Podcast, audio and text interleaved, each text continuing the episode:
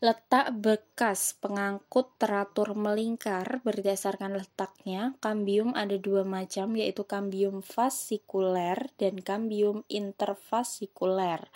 Kambium fasikuler yaitu kambium yang terletak pada berkas pengangkat di antara flum dan silem. Kambium interfasikuler yaitu kambium yang terletak di antara dua berkas pengangkut.